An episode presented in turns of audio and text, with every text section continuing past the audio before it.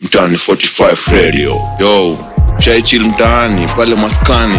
Hauna fom tu umebanga iza. Hauna kakitu lakini ai iza ro jo skiza. Mtaani 45 radio. Hey bro cheki. Stori zimeweza hood nayo nikako ndani ya impreza. Na manze tips ni kibao if you want to impress her. Mtaani 45 Radio. mtaani 45 radio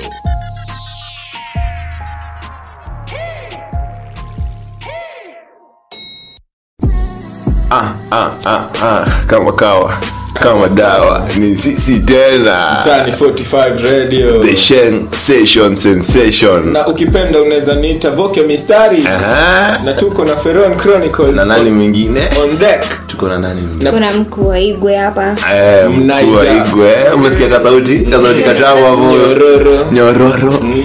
eh so tu- aside from ama anachochwa. aside from mkuu wa igwe tumekuchocha bana. Ah sawa tutajua so aside, aside from mkuu wa igwe tuko na Nechman. Nechman. wewe kijana Eh, mbona episode 1 ulikuwa wapi? Episode 1 nilikuwa tu mavichongo. eh cheza chini Johnny tukiwa on Lakini air tumetokea tumetokea. Yeah nice nice nice nice. So straight tunasemaga mtani 45 radio sharing session sensation.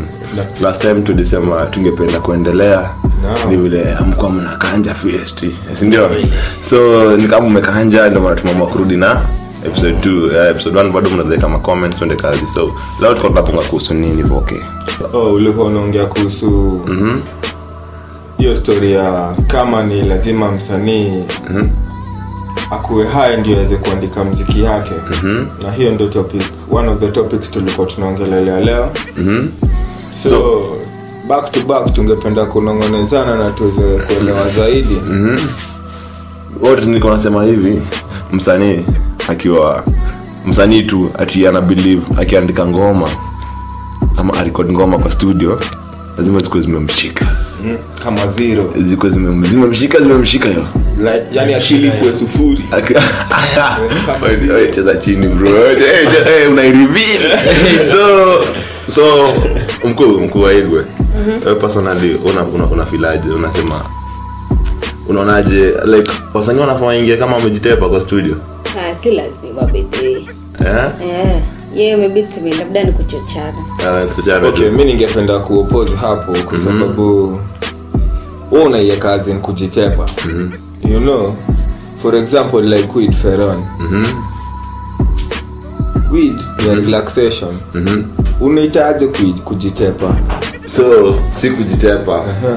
ni kujitepa relaxation whatever you name it but going to studio going to create content under influence si lazima. Ni lazima ama si lazima? Si lazima.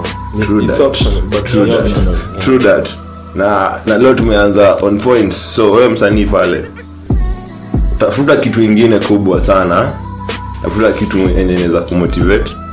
Na pia kama ni kandukulu kuoga kana kumotivate. Piga kandukulu. Wekelea kishasha. Ehe, kuna kuna wasanii wengi walikuwa affected na kitu- hiyo hiyo kitu na tunaongelelea si ndio? Yeah. Wengi wao waliitumia hadi ikafika point mwatumia so personally Mm, personally mi nafeel kwamba wewe feron haujafanya research yako vizuri. Si okay Manake that's according to me that's according to me. Kwa sababu chunguza ukichunguza vizuri utapata kuwa si kindukulu. Mhm. ni hard drugs akina kichuri akina Eh. heroin. Eh. yeah. i'm defending it because i'm a user. Uh, cheza chini bro. Haya tuko live tuko live Tuko live. so Yeah. okay, oh, kila mtu ako na sei yake na hiyo ni conversation iwezi ni kweli. Ni kweli? Yeah. na hii segment kila last time tulikuwa tunaongelea kuhusu wave tulikuwa tunaongelea kuhusu the new type of music. So leo tu- tu- tumeongelea first of all tumeongelea kuhusu hiyo madre influence na kwa artist ndio ye mwenyewe artist amelana anajua kenye anafaa kujua kenye anafaa kudu. Na ye kama ako friti anaingiza studio hivyo anarekodi ngoma hivyo. Sisi nani tumbadilishie maisha? So mbio mbio tunaingia kwa Shen session sensation segment. Out. oh, so unabonga Shen? Eh, mbona Una- una- unajua Shen kweli naija amejidai kwamba anajua shem eh, wacha atuambie mhm. kubugdem ni nini What is kubugde? what is kubugdem kubook them. Eh. kupiga mtu ngumi Huyu- mtu wa Nigeria, ah, huyu- wewe rudi kwenye Nigeria oga. amevuka boda. Wewe Bana. kama ulisikiza Ah. episode 1 kama maana dj deko DJ ku abugde. Ni ku- ni kugenya ni kurianyu. Ni Unaj- ku- unajua maana ya kurianyu? Kumadwa. Kudedi. Ku- Eh, ni eh? Eh? roho. Unaget? So, ukisikia abugde? Ni kutoka kutoka trrr, siakade. Siakade. So leo ni Dutchman. Yes, man. leo, leo ni hii. Palito ni piam. Palito ni dimbra. Msikilizaji. Aha. ya leo. Ni palito ni piam. Ehe. palito ni dimbra. Hiyo si french? Ni kilugha yetu ya hapa hapa hivi Unakaa umekaa kwa- gari kwa mata, unasikia beshta yako anasema palito ni pia palito ni dimbra kwanza unashangaa ala? Ala? Niko kenya bado. Oh, so palito ni sheng name ya radio. Kule. na ni piam ni mpya. So tukisema palito ni piam tunamaanisha?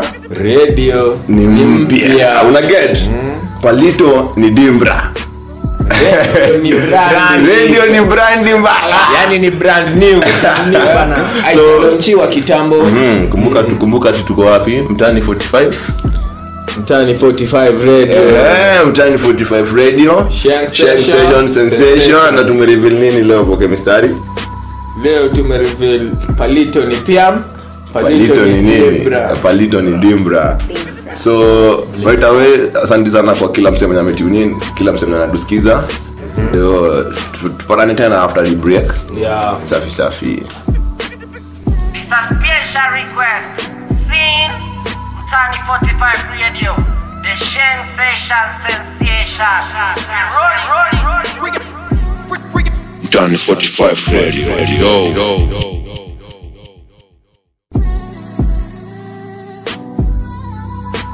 okay. Na nishana na- nishaanza hivyo manzi hiyo hiyo break ilikuwa kali. Usikia hiyo nini? Sana. usikia Diego vile amesema hapo? Sing Ah, okay so man mi napenda vile tunadui shughuli mm-hmm. atibo Mistari anasemaga god is good all the time. and all the time. God is good. And chronicles you know that. Mtani 45 radio. Okay so mkuu wa ego eh, wewe ni msanii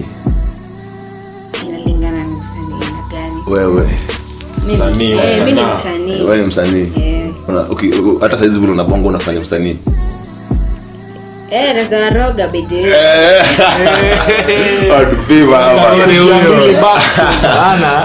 anaturudishia mbili tatu kama iko wazi. Mambo yake. Hapa on air anaweza ronga hivi nje. Alafu kumbe eh. Eh, wachome- atumerada, si ndio? So utajiprove wrong pale shida. and maybe unaweza one day unaweza kuja msenye tunakuhost hapo hivi so talking about hosting you're talking about uh, having a visitor last time tulikuwa na tunji Tunji so 254. tunji 254 masaronkanizi big up to him by the way so kutuelezea kwamba yeye aliweka mziki kando kidogo kwa sababu ya elimu eh, yake elimu Yeah. Elimu muhimu. na pia his numbers and figures were not that good so vocal mistari Yeah, man. dechman thank Yes. mkuu wa ego vikmas luo dola unamjua kweli vikmas luo dola mi namnau. Unamnao aliwapiga pale banko tuch Banko tu. Bango Eh, wana Banko bango tu. Eh. banko tuch Beiwinja. Wewe, winja. Mimi ni papa uliza winja. Na- na walikuwa pale na the man himself. Otto. pi double z z hiyo ni story for another day. So back to the topic. back to the topic. Vikmas luo dola Una mnau saizi yako wapi? Una nao mahesabu zake ziko wapi wengine tumgoogle hivi. Pengine tu google ameficha. Ame, sana ameingia nyasi. eh, lakini ngoma bado anapiga. Nimeona kuna playlist ya valentines Eh, ame- ametutayarishia pale. eh, eh, so pia kuna zingine amekuwa akifanya mm -hmm. lakini mziki yake haiko mainstream. Una- wewe ndiye wewe ndio umesema. But obviously tuseme tu kweli iko mainstream ndio? Yeah. so tunataka kubonga na Vicmas atupeleke na mtara tujue we msikilizaji we msanii uko outside here nani ndio Vicmas wacha basi Vicmas apigiwe simu ama vipi? Yeah. Yeah so let's listen from the horse's mouth uh, tatubonge na Vicmas tusikie Vicmas Lodola anasemaje au sio ndeche?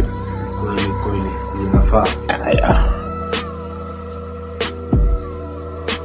Colin. hey, ndio inaingia mdogo mdogo tu